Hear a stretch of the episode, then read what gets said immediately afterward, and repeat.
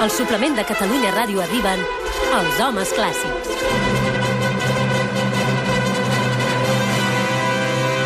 Ready, set, go! Mestre Pardo, bon dia. Bon dia. Albert Galceran, bon dia. dia, bon dia. Aixuga't la bava, que està entrevistant aquí el Ai. Joan Roca, i tu que ets un És una meravella, aquest gastrònom. De... restaurant. Tu, tu d'ofici gastrònom. No, no, a més a més Jo- l'Albert hi ha anat. Sí, jo hi he és que estat. clar. Però tu hi has anat algun, has tingut la sort de, de menjar el el celler de Can privilegi Roca. de ser-hi, sí. Sí, sí. És sí. un gran privilegi. De debò que sí, val molt la És que pena anar-hi. No, no s'ha perdut un restaurant. No, ni aquest. un. Bon No, dia, aquest. encara n'hi- encara n'hi ha molts per... A més, la gràcia és tornar-hi amb, Encara n'hi ha molts pel amb món, amics. no? Sí, sí, sí. sí. Eh, Pep Noguer? T'estàs sentint, sí. Mestre Pardo, tot bé, tu? Molt bé, molt bé. Jo no he anat al celler de Can Roca i estic esperant. No sota el celler de Can Roca, fa molta no. estona que ens escoltes, perquè m'has dit al matí a les 9 del matí, sí. Sí. amb el Laura Rossell, que hi vau anar sí. Sí. a la manifestació de la ciutat, t'ha agradat, eh, la conversa que hem M'ha tingut? agradat molt, sí, sí, l'hem escoltat amb la família. Doncs va, just l'endemà del Dia de la Dona, en una jornada, evidentment, molt reivindicativa, avui el que voleu fer els clàssics és uh, la dona en el món de la clàssica. Sí, senyor. I, evidentment, també suspenso total, aquí, eh? Suspenso total, perquè el que Absolut. volem és, és posar de manifest i posar al damunt la taula com de difícil ho han tingut les dones per demostrar el seu talent en l'àmbit de la música. Perquè, clar, si jo et demano, Roger, el nom d'una dona compositora, Em costaria. allò en, en l'època del romanticisme, que en coneixem tants, O el classicisme, o el Sí, barroc, i tot exacte. això, No, eh? tampoc Però és que és hi- normal, eh, que no te'n vingui cap al cap, perquè és que... No és que no n'hàgim tingut al llarg de la història, però és, és que, el que passa és que han estat silenciades, eh? Però mira, et podem assegurar que en l'època dels genis com Beethoven ja hi havia compositores com aquesta, llavors.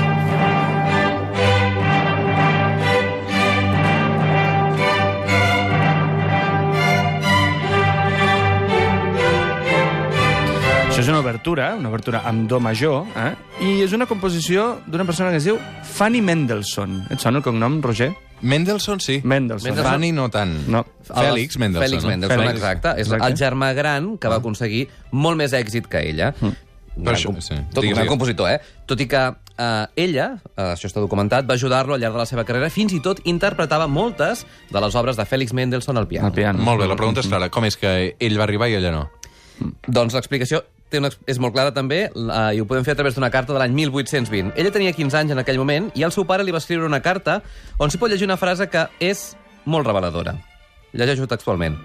Potser la música acabarà sent la professió del teu germà mentre que per tu només pot ser i ha de ser un ornament. Clar, ja t'ho pots imaginar. eh? L'any 1829 doncs, es va casar i des d'aleshores la seva relació amb la música va quedar reduïda una mica a les reunions una mica eh, amb amics, no? Sí. I, i, i de fet ella doncs, interpretava allò que dèiem música de cambra, no? Mm. Doncs a casa seva interpretava música al piano. Sí, de tota manera, el de Fanny Mendelssohn no és l'únic cas de compositora eclipsada per un germà. Mm -hmm. Mm? A veure, uh, hi ha un cas molt famós, no? Sí, Un cas eh, famosíssim, de fet. I a més a més de cognom, Mozart.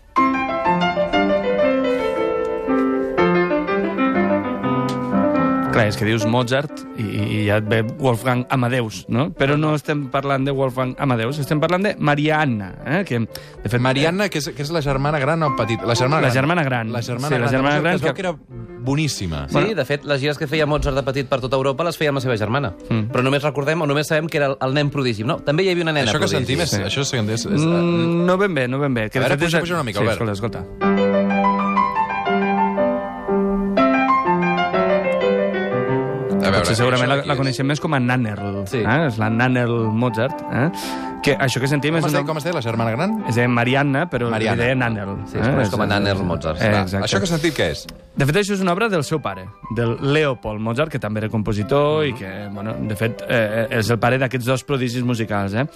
Perquè, clar, d'ella no ens ha arribat cap composició, tot i que els experts en música de Mozart consideren que hi ha aportacions de la mateixa Nannerls en algunes obres de joventut. De fet, és normal perquè, clar, Mozart va començar a compondre amb 4 anys. Vull dir, i segurament en 4 anys no sabia ni escriure, ni escriure ni, ni llegir lletres normals, eh? Llavors, clar, segurament la seva germana, doncs, li havia ajudat i segurament havia portat mm. qüestions musicals De amb fet, ella. se sap que ella li va ensenyar a ell, o sigui, Nanner, a Wolfgang Amadeus Mozart, li va ensenyar a tocar el piano. Però, Mm. un cop més, la seva condició de dona va fer que, durant molts anys, no se sabés que en algunes composicions de Mozart hi apareix també la cal·ligrafia de la seva germana Mm-hmm. i que, segons la correspondència que els dos germans mantenien, se sap que ella també va compondre la seva pròpia música, però, malauradament, aquesta no ens ha arribat als nostres dies. Mm. Com és que no ha passat això? Doncs bé, el mateix que dèiem amb la Fanny Mendelssohn, eh? Quan la Nanel va arribar als 18 anys, son pare va decidir que ja tenia eh, edat per casar-se, i llavors a partir d'aleshores tan sols es va poder dedicar una mica a allò, un, un ofici secundari, entre cometes, amb la música que és donar classes als fills de les famílies riques d'Àustria, ja que la seva ocu- ocupació principal, doncs quina havia de ser? Doncs la família. Mm. No, no, és, Realment, és, eh, la, la història es repeteix Sí, sí, sí. i, i és de que fet, se és sap així, que, eh? que va, ho va rebre molt malament, eh? perquè en la correspondència dels, pa- amb els pares gairebé va desaparèixer, Clar. perquè Clar. estava com molt ofesa per la- no poder la, la dedicar-se... frustració que et genera Clar. Clar. saber que tens un talent i no poder-lo Ah, desenvolupar, no? Eh, Ha de ser Exacte. Mhm. molt fort, clar. um, però encara haurien de passar força anys eh, perquè una dona pogués fer una carrera com a compositora i potser una de les més conegudes és aquesta.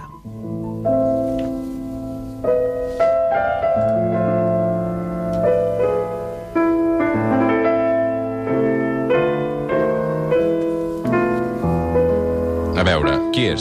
És Clara Schumann, la dona de Robert Schumann, de la que aquest 2009 celebrem el bicentenari del seu naixement, una de les més virtuoses pianistes del segle XIX que va casar-se amb Robert Schumann, i malgrat això, malgrat el matrimoni a vegades significava la- l'exclusió de la dona al món de la música, doncs malgrat això va poder seguir fent carrera com a concertista de piano i de fet va estrenar algunes de les composicions del seu, del seu marit. Sí, sí, a més a més de compondre les seves, les seves pròpies composicions, eh? tot i que segurament si no hagués tingut vuit fills, segurament hauria tingut més temps per dedicar-s'hi, perquè segurament el, el seu marit no l'ajudava gens. eh, en Segurament. aquella època. Uh, I a més de compositora i intèrpret, va ser una dona que va voler ser lliure, i ja se sap la relació que va tenir amb un altre compositor, Johannes Brahms. Wir Schwestern von der Schönen, wir Schönen, so gleich von Angesicht. A veure, situeu-me què va passar entre Clara i Brahms. Doncs mira, fem una mica de memòria. Tot i que ara eh, em fa molta gràcia. Per... O sigui, estem realment en una conversa interessant, eh? De música clàssica. Estem sentint Brahms, Schumann, Mendelssohn... Estic emocionat, va, Això seguim. està bé. Però fem una mica de memòria, perquè Schumann era 9 anys més gran que ella. De fet, el matrimoni entre Robert Schumann i Clara Schumann ja va tenir molta, molta controvèrsia. Sí, sí, sí. Però llavors, durant el matrimoni, va aparèixer un nou amic, que de fet, més que amic, va començar sent alumne. El predilecte. Eh, eh, exacte, el millor alumne de Schumann, que va ser aquest Johannes Brahms, que de mica en mica va agafar pues, doncs, molta confiança amb la dona del Mm, seu mestre, amb la Clara. El cert és que quan Robert Schumann va morir, Brahms i Clara van marxar de viatge a Suïssa, tot i que van destruir tota la correspondència durant anys que es van intercanviar.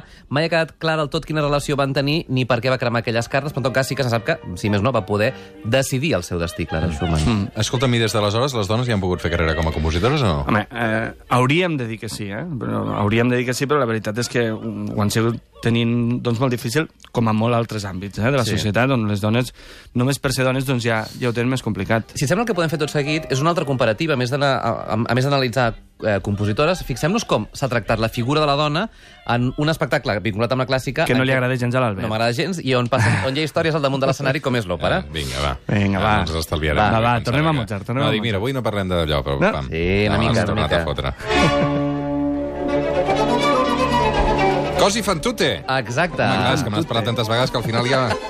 Només sentir quatre notes ja Sí, saps que és està, cosa pam. fantute, eh? I en el títol ja hi ha masclisme, en aquesta òpera. Sí. Sí. Così fan tutte, a l'italià si ho traduïm vol dir així fan totes. La tesi de sortida eh, d'aquesta òpera és aquesta, així fan totes. De fet, el que sentim de fons és el personatge de Guglielmo, que el canta un gran baríton, Christian Gerhafer, dient alguna cosa així com que això de ser infidel és un vici molt molest. Un bici. Un vici Eh? molt molest, sí, sí, fa referència a les dones, eh? És a dir, de fet, Così fan tutte és una obra a través de la qual Mozart, i sobretot el seu llibretista, el famós Lorenzo da Ponte, pretenien demostrar que totes les dones doncs, són infidels a les seves parelles. Sí, però encara hi ha un exemple més greu en l'obra de Mozart. Um, el trobem en una altra òpera que es diu Don Giovanni. Batti, batti, o bel massetto, la tua er povera servina, sarò qui come te. Què passa en aquesta escena? Doncs aquí a l'òpera Don Giovanni eh, ens posem en situació, és una òpera estrenada el 1787 perquè entenguem com era tractada la dona aleshores. Eh? Eh, Zerlina, és el personatge que sentim de fons cantar, ha estat infidel a Masetto, amb, ho ha estat amb el cràpula Don Giovanni, i així és com li demana perdó al seu marit. Bati, bati o bel Masetto. Què vol dir això? Pega, pega, Masetto, a la teva Zerlina. Lamentable, tot plegat. Molt lamentable. Totalment. No, no, i a més a més, a veure, hem de tenir en compte que, és, que aquesta és una òpera, com deia ara l'Albert, eh, de 1787, per tant, de finals del segle XVIII, i, i, i el que fan els autors, malauradament, és reflectir la realitat de la societat Clar. clar. del moment, eh, en què la dona, doncs clar, vivia una situació de total submissió respecte al seu marit. Afortunadament, en la majoria dels casos, això ja ha canviat, eh, tot i que encara hi ha doncs, Doncs molta en feina. podem, en podem posar molts, eh? per exemple. Escolta aquesta conegudíssima escena.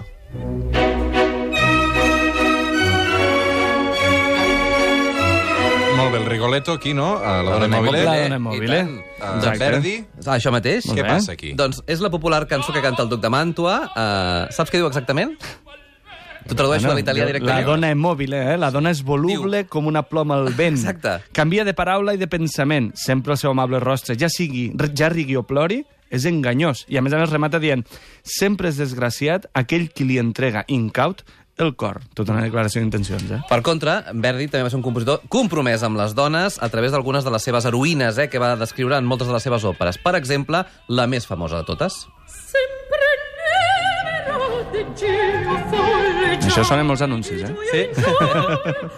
Saps quina opera és això, Roger? Això deu ser... Doncs- Vinga, va. Traviata, No? La Molt Traviata, bé, una molt dona bé. víctima d'una societat que l'aparta del seu estimat Alfredo només perquè la família d'ell no hagi d'assumir la vergonya que el seu fill s'ha enamorat d'una Traviata, una extraviada, que és una prostituta. Mira, de fet, aquests dies al Liceu s'està representant una òpera molt antiga, del Home. 1725, en Sí. què es presenta una dona que no es deixa de doblegar pels homes poderosos i aconsegueix alliberar el seu marit i seguir sent una reina, que és Rodelinda. Rodelinda. Io t'abbraccio. Atenció perquè um, Rodelinda, eh? Sí. Uh, 9320744, 9320744, si el que voleu veure Rodelinda al Gran Teatre del Liceu, uh, disposem de dues entrades dobles per assistir a la presentació del proper 15 de març a les 8 del vespre. Això és aquesta... Pro... 15 de març que deu ser, divendres que ve? Dim, dim, dim, dim. Divendres que ve, sí, Divendres, divendres que ve. Per tant, dues entrades dobles... És una meravella, aquesta Les dues producció. primeres trucades se'n van a veure a Rodelinda al Gran Teatre del Liceu. Això és un regalàs, eh? És un regalàs. 932017474, 932017474.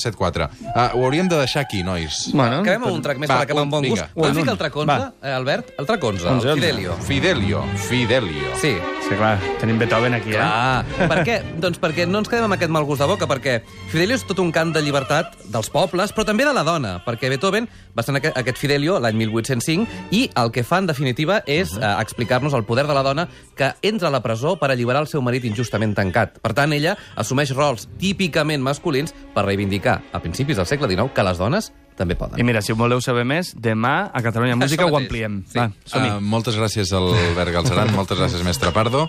Fem una pausa demà a partir de les 10 una mica més, eh? Demà sí. això ampliat, sí. De seguida tornem.